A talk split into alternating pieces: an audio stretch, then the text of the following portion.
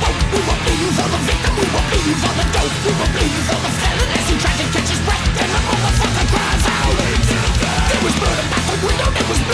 floor, there was blood about the shaking hand to hand and out the door. We were bleeding for the children as they tried to catch their breath, and the motherfucker cries out. Don't break my concentration, don't break my back in two. One steady hand fixation,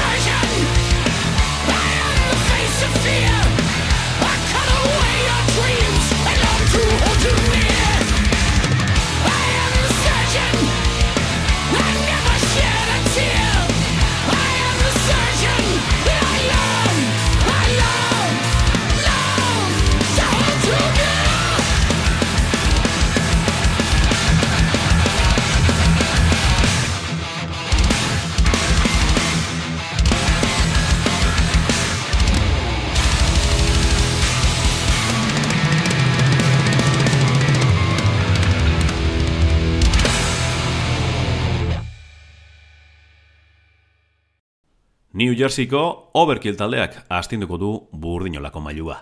Thrash metalaren aitzindarien eta estiloko disko gehien kaleratu dituztenen artean daude. Scorched da berriena, iraupen luzeko hogei garrena. Veteranoak izanik ere gazte sentitzen dira, eta agertokiak kiskaltzeko gogotsu daude.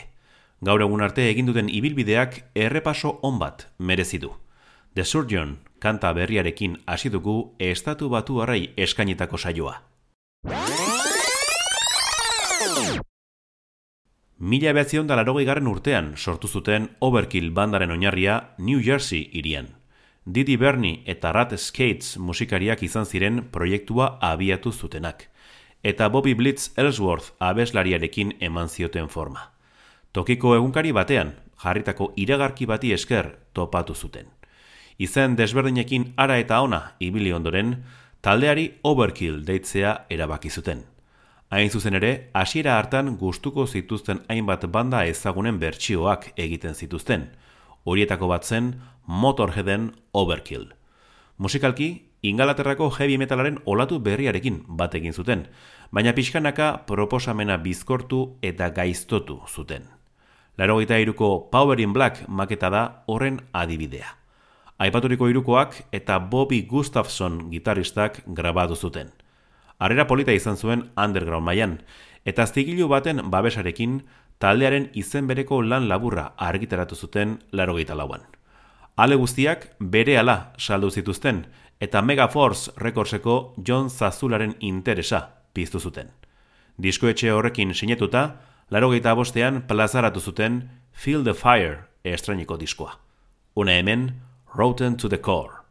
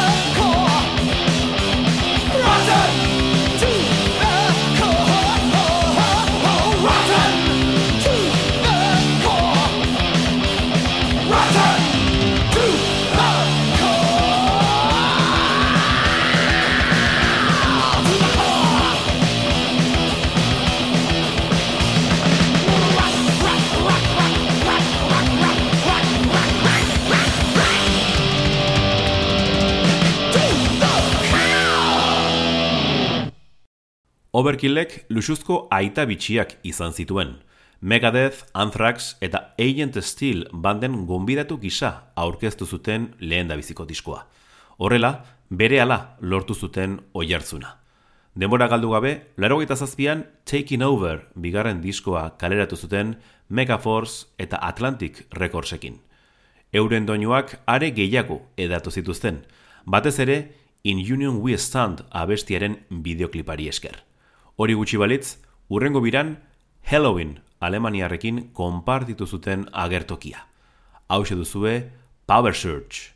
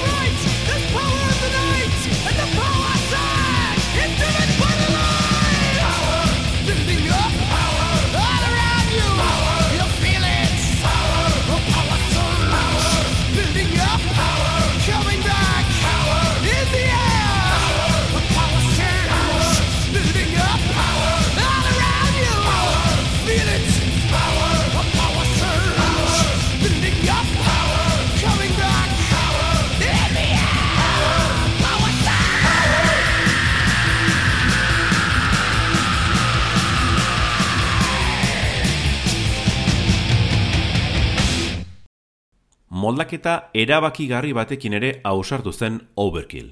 Larogeita zazpian, Fuck You lan laburra plazaratu zuten, eta izenburu bereko abestiaren bertsioa egin zuten, Kanadako Subhumans taldearena. Berehala, euren zuzeneko errepertorioan lekua egin zuen, eta harraroa da jotzen ezpadute. Urte berean, Rat Skates bateria jotzaileak banda utzi zuen, eta Bob Falk izan zen haren ordezkoa. Aldaketak aldaketa, larogita zortzian Under the Influence irugarren diskoa eta larogita bederatzean The Years of Decay laugarrena kaleratu zituzten. Thrash metal oldarkorragoa eta teknikoagoa landu zuten lan horietan.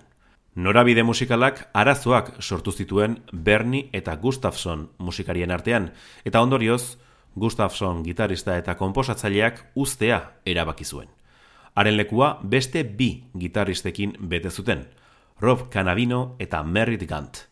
Boskote gisa, laro maikan, Horror Scope bosgarren diskoa plazaratu zuten. Sendoa eta pisutsua. Ona hemen, koma.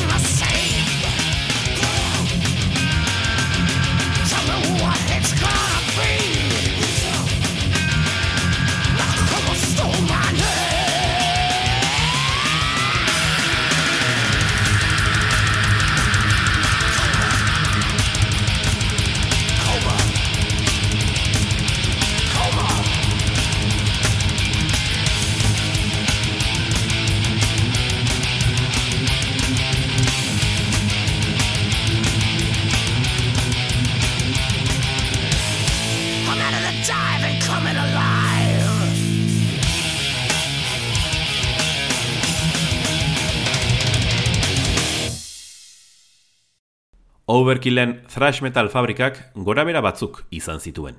Batetik, Falk bateria jotzaileak banda utzi zuen, eta Tim Mahler fitxatu zuten. Gerora etorri ziren, larogeita amairuko I Hear Black eta larogeita amalauko WAFO diskoak. Bestetik, blues eta stoner eraginak barneratzeak etzien fruiturik onena eman. Gainera, grunge musikak metala zanpatu zuen garaia izan zen. Atlantic Records diskoetxe interesatuak bizkarra eman zien. Ordea, ez zuten amore eman. Lerogita amabostean, Wrecking Your Neck Live zuzeneko lehen diskoa kaleratu zuten, bizirik zeudela aldarrikatzeko. Urte berean, Kanabino eta Gant musikariek agur esan zieten gainerako kidei.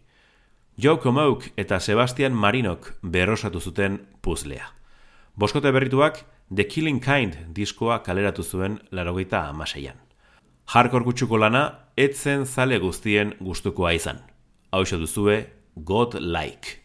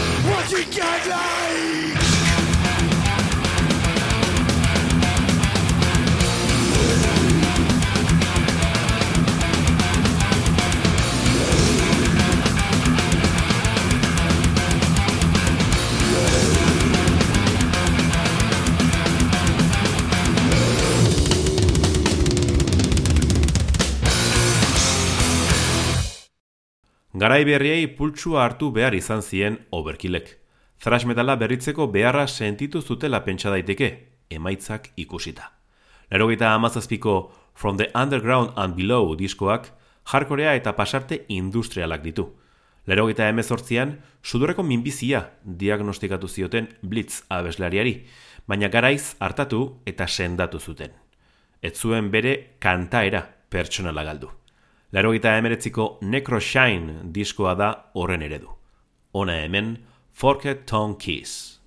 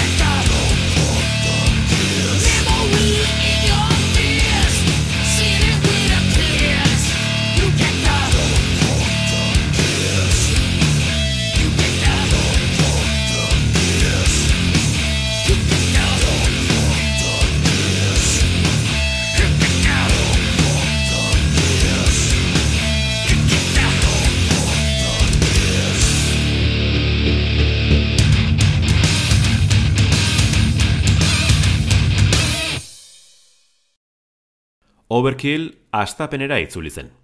Gustuko zituzten abestien bertsioak egiten hasi ziren, eta horietako hainbat grabatu eta larogeita emeretziko Coverkill bilduman jaso zituzten. Ordurako Marino gitarristak banda utzi zuen eta Dave Links fitxatu zuten, gerora erabakigarria izango zena. Material propioari dagokionez, estudiora itzuli eta 2000 garren urtean Bloodletting diskoa argitaratu zuten. Ondoren, bi urteko atxedena hartzea erabaki zuen boskoteak. 2000 eta iruan berriz, diskoetxea topatu, berraktibatu eta Killbox 13 diskoa kaleratu zuten. Linksken aurreneko rifak eta soloak ditu. Hau duzue, Damnet.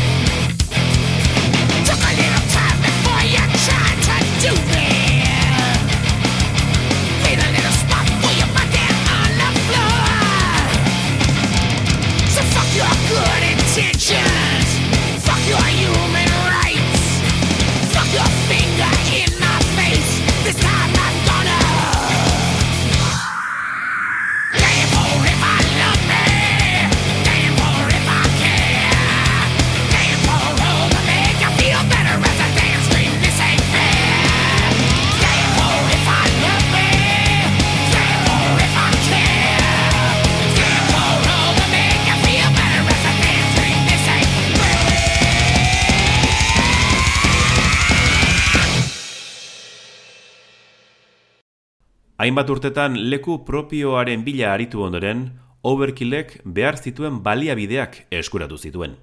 Bateriaren eserlekuan beste aldaketa bat izan zuten 2000 eta bostean, Malerren lekua Rom Limnikik hartu zuen. Aldiz, 2000 eta zazpiko Immortalis diskoa garai apal baten bukaera izan zen. Izan ere, 2000 eta bederatzean Nuclear Blast diskoetxe ezagunarekin sinatu eta musikalki suspertzea lortu zuten. 2000 eta amarreko Ironbound diskoarekin sentsaziorik onenak berreskuratu zituzten. Thrash metal lan esanguratsua da, kritikak eta zaleek txalotu zutelako. Ona hemen, Bring Me The Night.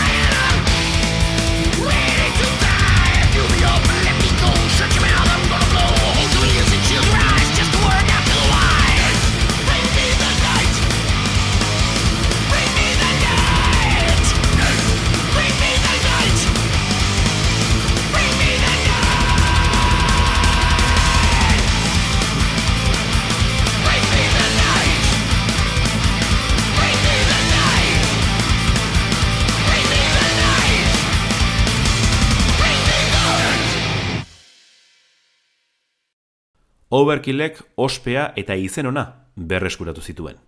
Boskoteak aukera behar bezala probestu zuen burua astinduz abestiak idazten eta taula gainen. 2000 eta amabiko The Electric Eye diskoarekin aurrekoaren maila berdindu edo gainditu zuten. Salmenta onak izan zituen eta onenen zerrendetan agertu ziren. Makina berriz ere martxan jarrita ez zuten gelditzeko asmorik. Dark Roots of Thrash kontzertu biran, indarrak batu zituzten Testament eta Flotsam and Jetsam taldeekin. Ordea, Blitz abeslariaren gaixoaldi batek aurre ikusitako kontzertu zerrenda murriztu zien. Hau duzue, Electric Rattler Snake.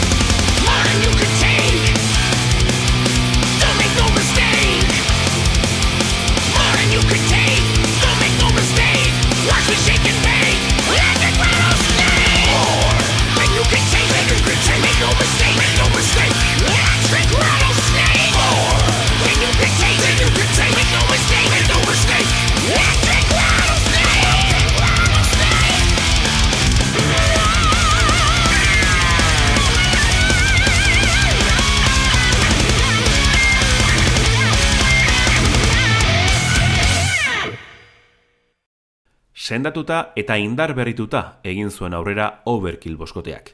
Zuzenekoak zertxobait gutxituta estudioko lanari heldu zioten. Horrela, 2000 eta an White Devil Armory diskoa argitaratu zuten.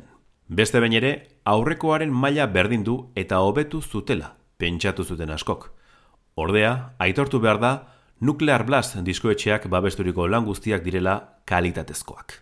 Ona hemen, Armorist.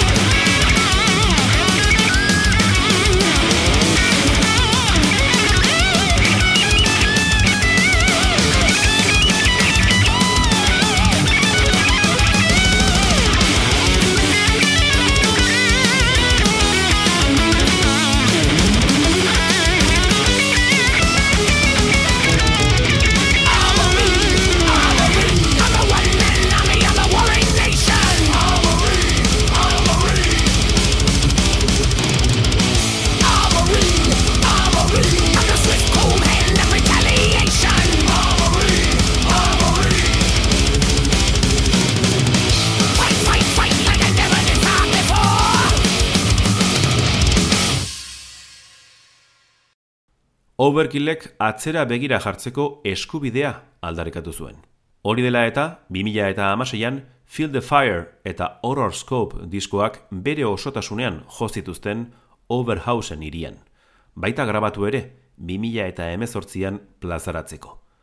Urte bete lehenago ordea, estudioko lan berri bat aurkeztu zuten, The Grinding Wheel.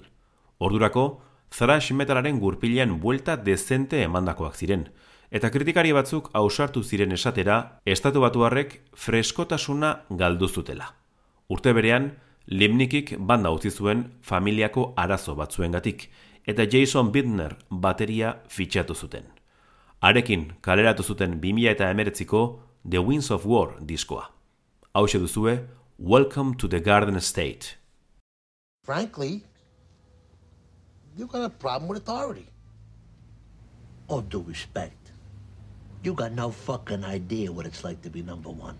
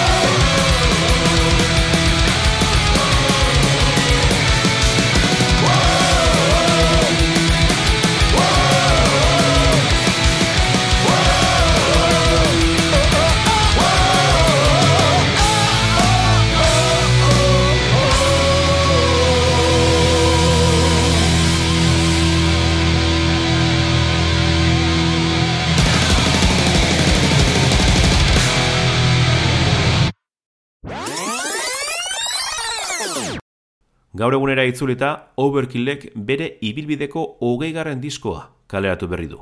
Scorched. Sua eman dioten nahieran moldatu duten thrash metal bereizgarriari, eta goritu dutena da urtetan harrera beroena izan duena. Programa amaitzeko, azken diskoko Won't Be Coming Back kanta hautatutuko. Urrengora arte, metal